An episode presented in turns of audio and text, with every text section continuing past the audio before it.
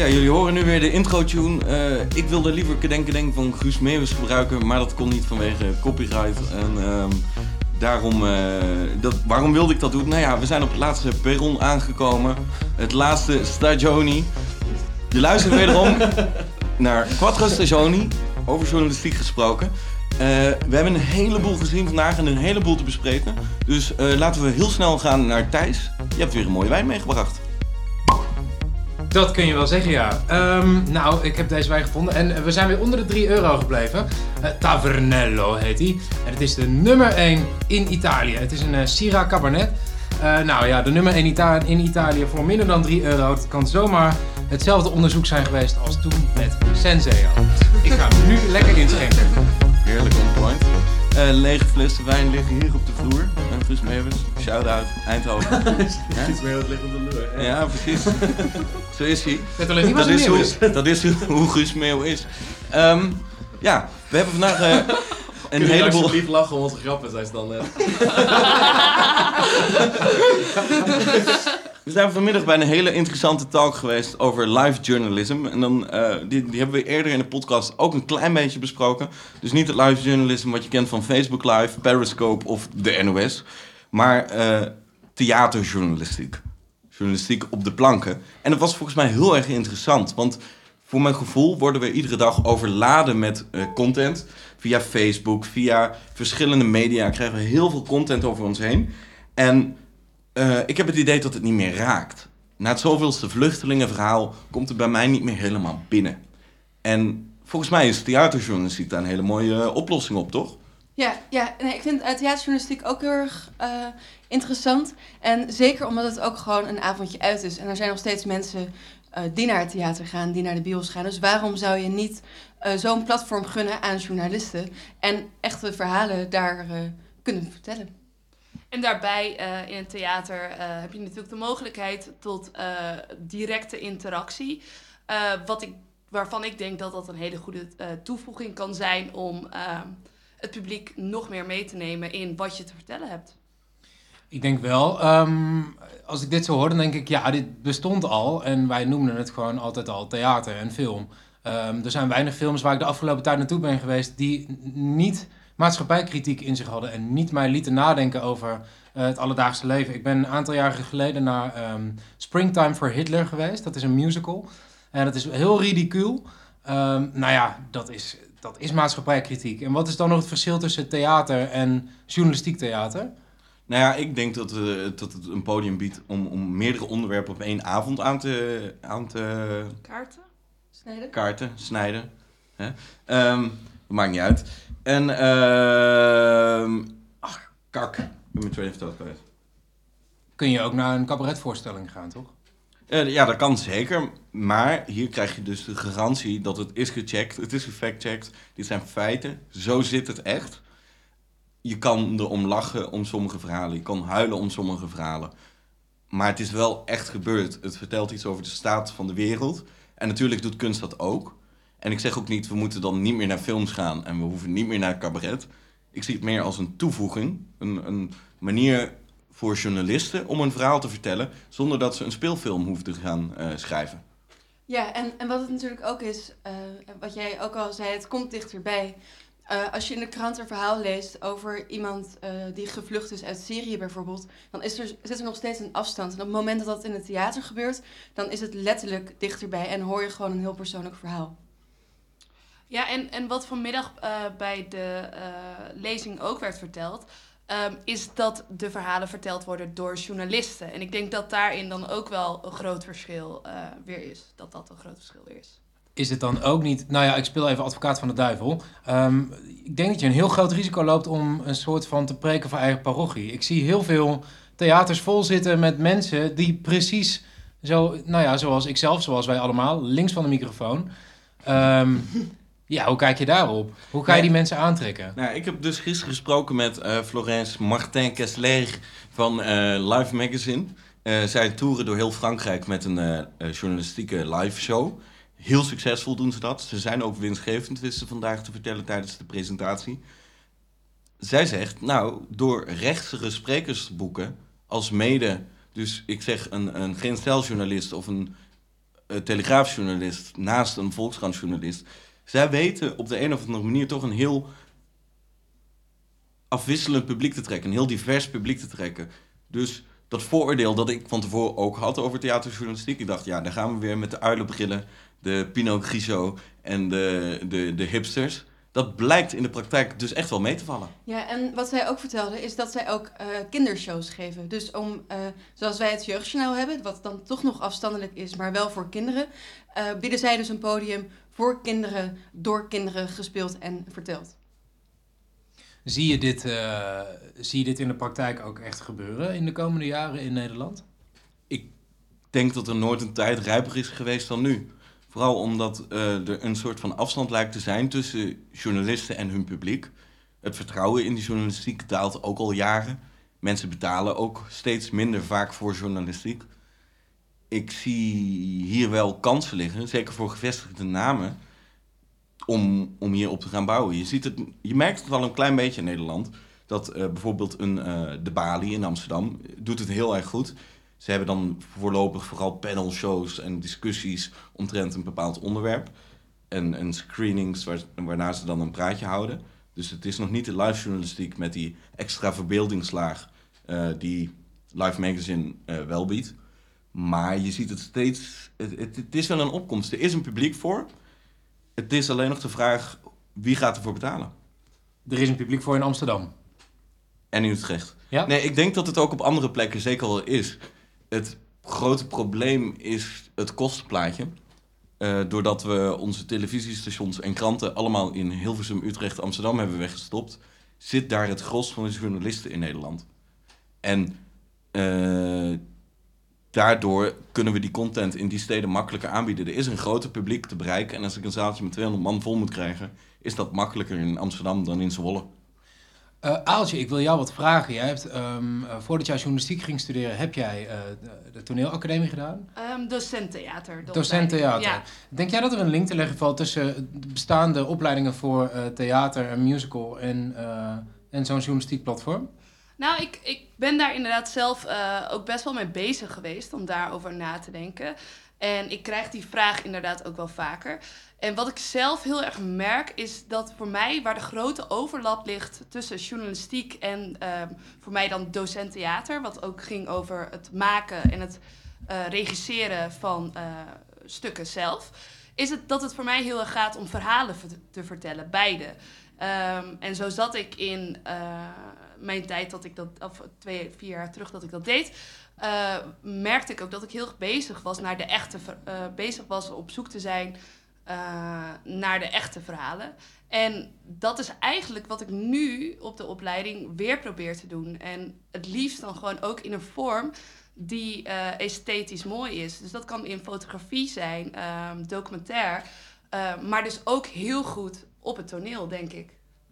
Ja, in de eerste podcast hadden we het volgens mij al over de brillen van Elton John. En het kan zijn dat ik dit onderwerp een klein beetje door een roze bril bekijk. Eh, ik ben natuurlijk, ja, ik, ik ben opgegroeid met theater. Ik heb altijd theater gespeeld, theater geschreven, geregisseerd. Tot, tot, tot zeker mijn 24ste. Daarna is het een beetje afgevlakt. Eh, maar ja, ik hou van het theater. Ik hou van dat samenwerken aan één grote productie. Elkaar helemaal de huid vol schelden. Niet, eh, niet helemaal eruit komen, je teksten niet op tijd geleerd hebben. Maar op het moment dat het doek open gaat en dat publiek voor je staat... en dat echte contact met het publiek, wat ik heel erg mis in de journalistiek... dat echte contact met het publiek, dat dan naar jou kijkt... en dan je kunstje doen... en dan het applaus en het doek gaat weer naar beneden... en dan achter de schermen met z'n allen een knuffel geven en zeggen... jongen, we hebben het gewoon gefixt. Ik, ik mis dat gevoel misschien ook wel gewoon heel erg. Ja, nou ja, ik, ik denk dat je daar sowieso een punt hebt. Daar, eh, dat wil ik ook. Daar ben ik ook naar op zoek. Ehm, maar ook, eh, weet je, je kunt gewoon net wat meer op het podium. En als je er inderdaad muziek onder zet, eh, extra film, lichteffecten. Ik denk dat dat een verhaal gewoon heel goed iets extra's mee kan geven. Zodat het dus ook beter aankomt. En gewoon misschien net weer anders ook even binnenkomt bij het publiek. Ja, ik voel jullie wel. Eh, ik, ik speelde even advocaat van de duivel. Maar ik fijn. denk, ik denk dat jullie absoluut een heel mooi, eh, mooi onderwerp hebben aangesneden. En ik denk ook wat jij net zegt, eh, dat esthetisch mooie journalistiek, dat maakt het ook houdbaar. En dat is waar ik een beetje naar op zoek ben geweest in de afgelopen nou, jaren, eigenlijk tijdens mijn hele studie. Eh, dat was meteen een punt van kritiek voor mij op de journalistiek. Het is gewoon zo niet houdbaar. En als ik luister naar deze plannen, denk ik, hé, hey, dat neem je mee. En daar vertel je een week later nog steeds over. En dat herinner je nog eens. Ja. En Nee, niet, om, niet om dit onderwerp eh, af te kappen, maar we zijn toch ook vandaag naar eh, een lezing geweest over mental health, waar iemand een ehm, boek eh, had gemaakt, tenminste zo wil ik het bijna wel noemen, een magazine, die esthetisch, toegevoegd met foto's, ehm, in kle- meer kleur, blauwtinten en ro- rode tinten, de ene helft blauw, de andere helft rood, die voor mij esthetisch ook heel erg mooi was, wat het voor mij heel veel, gelijk heel veel meer kracht bij zette. Ik denk dat het heel erg aansluit op waar we het gisteren over hadden. Onze rol vinden. Wat willen wij toevoegen aan de bestaande journalistiek? We hebben het hier in Perugia tijdens het eh, Journalism Festival vaker over gehad met z'n allen. Dat we het zo jammer vinden dat als je op het moment dat je iets schrijft voor internet, dat je het schrijft voor vandaag. En je schrijft het eigenlijk vooral voor de komende drie uur. Want daarna is het weg. En bij theater is het wel ook zo dat je het op dezelfde avond uitvoert. En daarna is het in principe ook een soort van weg. Dat Maar is het wordt daar iets magisch. Het daardoor. wordt tastbaar. Ja. Het, is, het is gewoon net dat level van speciaalheid. En zo'n magazine is natuurlijk daar weer een uitvergroot eh, voorbeeld van. Van iets dat je gewoon echt vast kunt houden. En dat je kunt zeggen, hier ben ik trots op. En woorden op een scherm, dat kan in principe iedereen maken. Het is niet meer heel moeilijk om een WordPress-blog te starten en daar je verhalen op kwijt te kunnen. Maar om iets te maken dat echt waarde toevoegt. En dat ook waarde toevoegt aan de levens van de, eh, de consumenten van je. eh, Sorry voor de term consument. Maar voor, voor je publiek. Dat, dat willen we toch? Ja, nou, en hiervoor geldt ook, en ook voor die tijdschriften, ik was bij dezelfde lezingen als Aaltje over mental health. Ehm, iedere, iedere keer als ik hier een succesverhaal zie op, eh, op het festival in Perugia, even kijken of ik dit lekker onder woorden kan brengen, dan is dat omdat iemand echt werk aan het maken is van waar hij passie voor voelt. Waar hij echt heel blij mee is, waar hij echt zich heel erg zorgen over maakt. En iedere keer als dat gebeurt, als dat gebeurt, die journalisten van vanmiddag trouwens tijdens de bijeenkomst, die hadden allebei een mental breakdown gehad. En die zijn in de jaren daarna eh, dat tijdschrift gaan maken over eh, geestelijke gezondheid. En dan zie je, wauw, dan komt er een hele nieuwe laag bij. Dan komt er esthetiek bij. Dan zijn het kunstenaars die, zich, eh, die, die op een journalist lijken... in plaats van journalisten die iets kunstigs doen. En bevindt zich dan heel erg op het snijvlak van kunst en journalistiek. Ja. En daar hebben wij, we hebben allemaal NIMBIN gedaan. Dat was een alternatief, alternatieve leeromgeving, een alternatief traject binnen onze opleiding journalistiek. En waarin wij wat vrijer de wereld van de journalistiek konden verkennen. Hè? Wat is journalistiek? Wat is journalistiek voor ons? Wat zijn de manieren om verhalen te verkennen? Hoe kun je naar de wereld kijken? En als je binnen NIMBIN heb jij ook, ben jij je bezig gaan houden met dat, dat snijvlak, toch? Ja, klopt. Ik heb eh, inderdaad in het eh, eind, de eindperiode eh, voor het assessment die we moesten doen, ben ik op zoek geweest naar de grens van kunst en journalistiek. Ehm, was ik vooral in het begin heel erg bezig naar definities. Journalistiek proberen definiëren voor mezelf, maar ook in de algemene zin. Want wat is journalistiek? Ja, ik gooi hem er maar weer even in, sorry. Ping! maar eh, ik vind dat echt heel moeilijk om in één zin eh, vast te leggen. Vooral ook omdat ik denk dat het de afgelopen 10, 20 jaar, eh, misschien wel zelf de afgelopen vijf jaar, bij ons op school in ieder geval, aan het veranderen is. De definitie is niet meer zo rechtlijnig. En waar houdt journalistiek dan op en wordt het kunst? Of andersom. Ja, daar heb ik me bezig gehouden. En ik moet zeggen, eh, ik ben verder gekomen, maar dat is wel iets waar ik nog steeds, eh, nog steeds, het is geen, geen afgerond onderzoek, nee. In Tilburg hebben we de Fontes Hogeschool voor de Kunsten en we hebben de Fontes Hogeschool voor de Journalistiek. Denken jullie dat de Hogeschool voor Journalistiek ondergebracht zou kunnen worden bij de Hogeschool voor de Kunsten? Ja. Ja. Oeh, daar, daar Ja. zou ik niet zo snel ja op willen zeggen. Oh, ik ben ja. wel bereid om daarover na te denken. Maar wauw, dat is even een vraag die je stelt, eh, Stan. Ja, sorry, dat is, eh, dat is mijn vak. Toch? Maar waar is het nu, zeg maar, eh, ondergebracht? Want Ja, onder zijn eigen hokje volgens mij. Ja, wij Nou. zitten gewoon in een container. eh, ja, met Nou, een- nou, nou. ja, maar dat we is gewoon een heel klein gebouwtje. We zijn wel met alleen maar zogenaamde journalisten zitten ondergebracht. En wat voor mij dan een probleem is, dat je daardoor je ook heel erg afscheidt van andere opleidingen. En ik denk, ik weet niet of we snel ondergebracht zouden moeten worden bij de kunstopleidingen. Maar ik denk wel dat we veel meer moeten samenwerken met kunstopleidingen. Omdat ik denk dat er ontzettend mooie eh, producties uit, uh, uitgehaald kunnen worden. Om nog heel even tot slot uh, terug te komen op de mental health presentatie. Um, een van de sprekers benoemde het zelf en ik zag het ook en jullie ook. Er zaten eigenlijk alleen jonge mensen in de zaal. En zij zeiden, wat prachtig dat jonge mensen hier komen opdagen. Die zetten zich in voor mental health, hè, mentale gezondheid, depressieve klachten, maar ook uh, andere stoornissen, angststoornissen. En toen dacht ik, toen ik naar buiten liep, hé, hey, maar dat is helemaal niet mooi. Want de 40ers, 50ers, 60ers die hier op dit festival aanwezig zijn, die waren er niet. En dat zijn wel onze werkgevers. En volgens mij onder onze, onze leeftijdscategorie hangt dat taboe helemaal niet meer zo heel sterk. Als in, wij willen best nog wel begrip ervoor opbrengen. Maar volgens mij ligt het probleem veel eerder bij de 40-plus categorie. Hoe, hoe, zien jullie dat? Ja, nee, daar ben ik het wel mee eens. Ik denk ook dat uh, in onze generatie uh, mentale klachten of depressies of um, ja, geef een naam, ook geen taboe is. En wij spreken daarvoor over. Ook in mijn eigen omgeving wordt daar gewoon regelmatig over gesproken, zonder taboe. Ik heb wel het idee dat het inderdaad bij de oudere generaties anders is. En ik vind het heel lastig uh, hoe ik daarmee om zou moeten gaan. Ja, want ik, ik weet niet, ik heb het idee uh, dat er nu veel opener over gesproken wordt, inderdaad. Mensen die worstelen met, met depressies en dat soort dingen. Um, ik weet niet of een oudere generatie daar minder last van heeft dan onze generatie. Maar je komt in ieder geval wel veel vaker tegen. Mensen die, die gewoon durven te zeggen van ik ga wel eens met iemand praten, met een psycholoog, met een therapeut of zoiets. Dus dat dat dan op zo'n festival naar voren komt en dat er gedacht wordt aan op welke manier moeten we hierover schrijven. Ja. Dat is wel echt een goede stap, een stap in de goede richting, wat mij betreft. Wordt er genoeg over geschreven, volgens jullie? Nou, um, ik denk dat een van de meest gelezen media is voor iedereen toch uh, zijn nu.nl en NOS, uh, de app, op je telefoon. Daar vindt de meeste traffic plaats. En inderdaad, daar kom ik ontzettend veel tegen de laatste tijd van, nou ja, met name dan de NOS op 3. Um, voor artikelen over uh, jongeren en depressiviteit, um, burn-out, dat soort klachten. En dat vind ik altijd met heel veel zorgvuldigheid aangepakt. Dat vind ik echt uh, petje af voor die media die dat doen. Ja, nee, daar ben ik het absoluut mee eens. En ik vind het ook heel goed dat daar veel aandacht aan wordt besteed.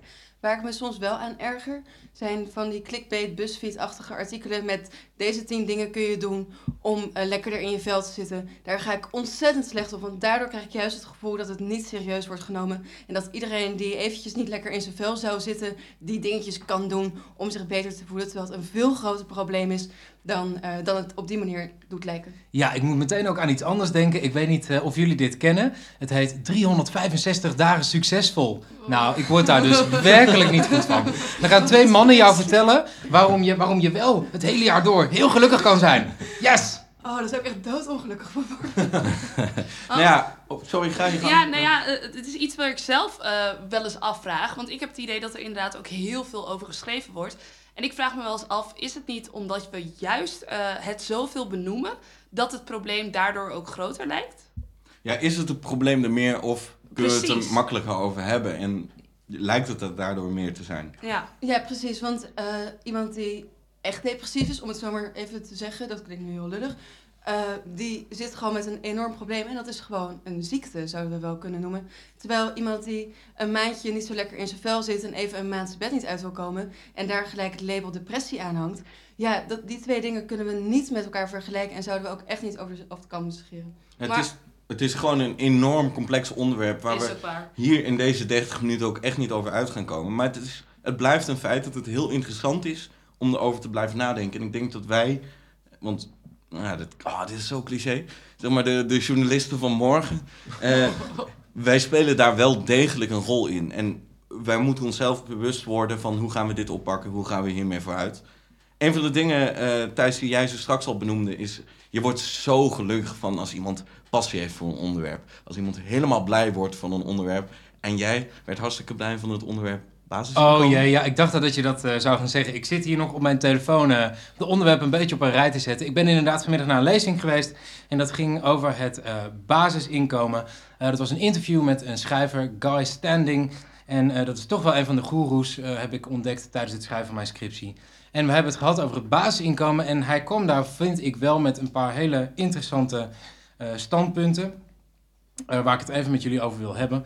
Eh, om te beginnen moeten wij ons eigenlijk best wel schamen met z'n allen voor het stigma dat rust op, eh, op armoede. Hij begon daarbij over eh, Italië. Hij zei, waar je ook in Italië op een terrasje gaat zitten, je hebt altijd bedelaars die, eh, die komen vragen om geld of proberen een, een roos aan je te verkopen. Dat hadden wij allemaal, allemaal kunnen zijn. Dat is niet iets om je voor te schamen. Dat is niet een, een teken van zwakte. Jij Nee, gaat iets zeggen, Nee, ja, ik, ik, eh, laten we heel even teruggrijpen voor de eh, luisteraars, ik wilde lezers zeggen, die niet weten wat het basisinkomen is. Wij zijn allemaal wel bekend met het concept. Volgens mij voornamelijk naam, eh, in, door de naam Rutger Brechtman veelvuldig gelezen te hebben. Tenminste, die heeft ons op dat spoor gebracht wellicht. Wat is het basisinkomen? Ja, dat is, dat is eigenlijk heel makkelijk te omschrijven. Dat komt omdat het zo ontzettend breed is. Een basisinkomen voldoet maar aan heel weinig eisen. En dat is ehm, iedereen, iedereen in een samenleving ontvangt ehm, gratis geld. Dat is het eigenlijk. Hoeveel dat is, dat weet niemand. Dat komt omdat het niet in het woordenboek staat met een omschrijving van zoveel krijg je per maand. Dan is het nog maar de vraag of ieder land zich daaraan kan houden. Wat betaalbaar is en waar dat geld vandaan gaat komen. Dus een basisinkomen is, wij geven iedereen in een land of iedereen op de wereld ehm, per maand, laten we zeggen, nou, 100 euro. Ja, eh, het is heel leuk dat jij net Rutger Brechtman hebt genoemd. Want hij eh, heeft daar heel veel over geschreven. Hij heeft er ook een boek over geschreven. Maar een aantal maanden geleden heeft Hoe hij... heet dat boek? eh, Gratis geld voor iedereen. Hm. En eh, daarmee bedoelde hij dus iedereen, arm en rijk, iedereen krijgt evenveel in dat basisinkomen. In, t- eh, in november, als ik me niet vergis, heeft hij een artikel geschreven voor de correspondent dat het basisinkomen eh, misschien alleen naar de mensen moet gaan die arm zijn of onder de armoedegrens zitten. Omdat er ook heel veel belasting over betaald wordt. En dat het uiteindelijk helemaal geen verschil maakt. Dus dat een heel klein deel dat basisinkomen krijgt, maar waardoor iedereen alsnog gelijk behandeld wordt. Laten we hier straks even verder op komen. Dit gaat net, net ietsjes dieper dan waar we gestart zijn. Eh, Thijs, je, had, eh, je begon met een lijstje. Ja, nou ja, het is eh, ook, om, ook om in te gaan op wat Luna net zei, maar dat komt zo meteen inderdaad wel terug. Ehm, waar is het basisinkomen de oplossing voor? Dat is ook nog een vraag die leeft bij veel mensen. Ehm, ook zien heel veel mensen dit als een links idee. Eh, dat is echt een, eh, een misvatting. Het komt echt van links en rechts. Bijvoorbeeld in Amerika was er al eh, in de tijd van Nixon. Hij heeft bijna zijn handtekening gezet onder wetgeving voor een basisinkomen voor alle gezinnen, was dat toen. Ehm, waar het vaak een oplossing voor is, of wat, hoe het nu genoemd wordt, is voor een enorme kloof tussen arm en rijk. En natuurlijk komt, komt ook Trump en populisme komen allemaal voorbij. Dat hoeven we nu allemaal niet te bespreken, maar om die kloof een beetje te dichten. Omdat mensen zich dan niet meer behandeld voelen als een tweederangs burger. Als jij, laten we zeggen, iedere week 50 euro krijgt, dan voel je je als mens behandeld. Dan heb je tijd. Dan kun je ook nee zeggen tegen dingen. En ehm, een interessant aspect, dat eh, heeft Rutger Brechtman ook al beschreven in, eh, in zijn boek, is dat mensen zonder ehm, financiële zekerheid, die ehm, verliezen IQ. Die gaat dus daadwerkelijk dommere beslissingen maken eh, door armoede. Eh, omdat je, ehm, ja, je, je zit met nood. Je zult ehm, hele korte eh, successen moeten boeken, zodat je weer een beetje geld binnen hebt, zodat je weer door kunt. Nou, Rutger Brechtman schrijft eh, in zijn boek ook... het grootste probleem van arme mensen is dat ze geen geld hebben. Ja, dat is nou, ja, dat, dat, prachtig. Ja, niks aan toe te voegen Ja, toch? eigenlijk. Om nog even toe te lichten waarom dit voor rechts nou een, een interessant idee is. Ik denk dat mensen zich afvragen van ja, maar dit is een sociaal stelsel. Dat is het, inderdaad. Ehm, nou, en rechts heeft eigenlijk een ontzettende hekel aan sociale stelsels. En zeker als je Amerika even als voorbeeld neemt. Zij willen eigenlijk zo min mogelijk bemoeienis van de overheid. Ehm, als je dan iedereen gewoon een som geld geeft, kun je al die andere sociale stelsels, in principe op papier dus, hè, kun je afschaffen. En bovendien, zij hebben ook door dat mensen zonder geld geld kosten. En wie geld heeft, maakt rationelere keuzes en kost dus daarmee minder geld. Ja, als je iedereen 1000 euro geeft... dan hoef je ze misschien geen bijstandsuitkering... geen zorgtoeslag, geen huurtoeslag meer te geven. En van dat geld mogen ze zelf dan de beslissing nemen... hoe ze het besteden. Dat klopt. Maar daar heb je dus weer de kritiek van links. En hier eh, komen we in een politieke discussie terecht. Zij zeggen ja, die sociale stelsels moeten we wel in stand houden. Anders heb je niks meer aan die 1000 euro. Dan kom je met eh, sociale, eh, of nee, dan kom je met een inkomenszekerheid. Maar dan, val je, dan vallen de basisvoorzieningen eh, voorzieningen weg. Ja, nou, ik, ik heb me er ook heel vaak over nagedacht en ik heb er het een en ander over gelezen. Maar wat ik me wel afvraag is Rutger Bregman, journalist bij de correspondent. Super, eh, volgens mij, ik, ik vind hem heel prettig om te lezen. Hij is heel eh, makkelijk, hij weet heel goed om, om, om de dingen heel leesbaar te vertellen, heel verhalend. Maar we, hebben het, we zijn hier op een journalistiek festival. Eh, Rutger Bregman is een journalist. Maar hij lijkt nu ook wel een soort van activist. Eh, hoe heet die meneer ook weer die jij hebt gezien vandaag? Guy Standing. En ehm, over, nog, eh, over Rutger Bregman is misschien nog wel meer econoom en historicus dan dat hij journalist is. Dat is ook zijn achtergrond. Dus daarom heeft hij ook toch recht van spreken, zou ik willen zeggen. Ah, maar hij schrijft voor een journalistiek medium en dus mag ik als lezer hem als journalist bestempelen, niet? Ja, daar mag je me in ieder geval wel eh, op aanspreken. Ik vind dat hij daarvoor eh, verantwoording moet afleggen, ook als journalist. Maar wat vinden jullie daarvan? Dat, dat een journalist zo'n standpunt inneemt en daarvoor gaat vechten? Want hij staat inmiddels op... eh, in alle talkshows over de hele wereld staat hij ja, bijna het geloof te beleiden... om te zeggen het basisinkomen moet er komen. Hij schuwt geen TED-talk. Hij is overal te zien om erover te praten. Ja, nou, de, eh, activisme als journalist is, is niks nieuws. Eh, vorig jaar was het volgens mij Matthew Ingram die eh, benoemde dat wie geen activist is, eigenlijk ook geen journalist kan zijn. En ik merk wel, hoe erg je het ook probeert te verbergen, dat alle journalisten die ik ken, zijn hartstikke activistisch. Oké, kun je dat nader toelichten, lichten, waarom elke journalist activist is? Ehm, ja, dat kan ik, maar dat komt dus niet vanuit mijzelf. Dat komt vanuit de discussie die toen gevoerd is. Dat, is- dat is niet mijn eh, mening hierover per se. Nou ja. Eh, dat komt, eigenlijk kom je dan weer terug op waar je passie voor hebt, daar kun je over schrijven. Eh, ja, ik denk dat ik het zo zelfs kan samenvatten. Als, je, als het je niks kan schelen, dan eh, zul je de relevantie minder inzien en dan ga je ook met minder vuur aan het werk. Dat denk ik echt. En heb je daarin eh, dan niet alsnog, ook al sta je ergens achter, wel hoor en wederhoor nodig? Dus je kunt wel ergens achter staan, maar toch ook altijd die andere kant belichten? Tuurlijk, daarom ben je ook opgeleid als journalist. Ik denk dat dat, eh, dat moet erin zitten. En ook als je dat niet doet, dat is je eigen keuze, maar dan zul je op aangesproken worden, want dan verlies je gewoon je geloofwaardigheid volgens mij. Maar hoe is dat dan in het geval Rutger Bregman? Want die staat natuurlijk wel heel erg achter het basisinkomen. Nou, als je het boek ook pakt, hij pakt eh, in het laatste hoofdstuk pakt hij eh, de, de, de beste tegenargumenten voor het basisinkomen. En die weerlegt hij deels, maar hij zegt ook ja, eh, ik heb ook geen glazen bol. Je kunt niet altijd voorspellen hoe dit gaat lopen. Dus ook ik moet een slag om de arm houden. En daarbij, ehm, als je je objectiviteit wil parkeren eh, voordat je met een eh, journalistieke productie begint, moet je wel alle transparantie aan boord halen, vind ik, om, om je geloofwaardigheid te houden. Ja, eh, is dat een antwoord op je vraag? Ja, nee, dat, ja zeker. Ja, het is, maar om even terug te komen op de vraag of je als journalist activistisch mag zijn. Ja, ik denk van wel. Ik denk dat het heel gezond is om ook ergens achter te staan. Want je kunt ook nooit helemaal objectief zijn. Ik denk dat een journalist sowieso nooit helemaal objectief kan zijn. En dan kun je inderdaad beter transparant zijn en laten zien waar je voor staat. Dan dat je eh, een beetje de gulle middenweg kiest. Ja, om nog even terug te komen op basisinkomen, eh, wil ik nog even één zin aanhalen die ik ontzettend, eh, dat vond ik een ontzettende inspiratie. En dat was, eh, hij zei, mensen met inkomenszekerheid vinden hun stem. En dat vond ik ontzettend mooi. Ik vond het een heel mooi onderwerp om de vierde en laatste aflevering van Quattro Stagioni vanuit Perugia eh, mee af te sluiten. Waarom vind ik dat? We hebben het de afgelopen dagen gehad over de onzekerheid. Zijn er banen? Is er geld? Ik wil eigenlijk niet korte nieuwsstukjes hoeven tikken om eh, eh, van, van onderdak en voedsel te kunnen voorzien.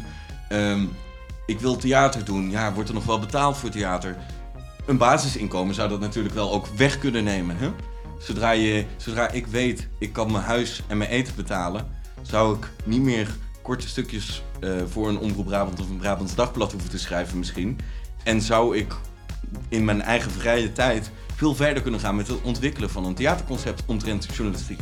En niet alleen in de journalistiek. Ik denk, als dat basisinkomen er zou komen, en dat moeten we met een hele, hele grote slag om de arm zeggen, dan gaan er heel veel banen, denk ik, verdwijnen. Eh, die worden hier bullshit jobs genoemd.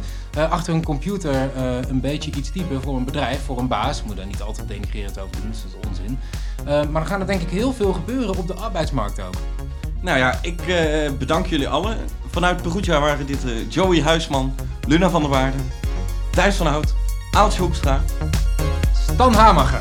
Dankjewel en wellicht tot volgend jaar.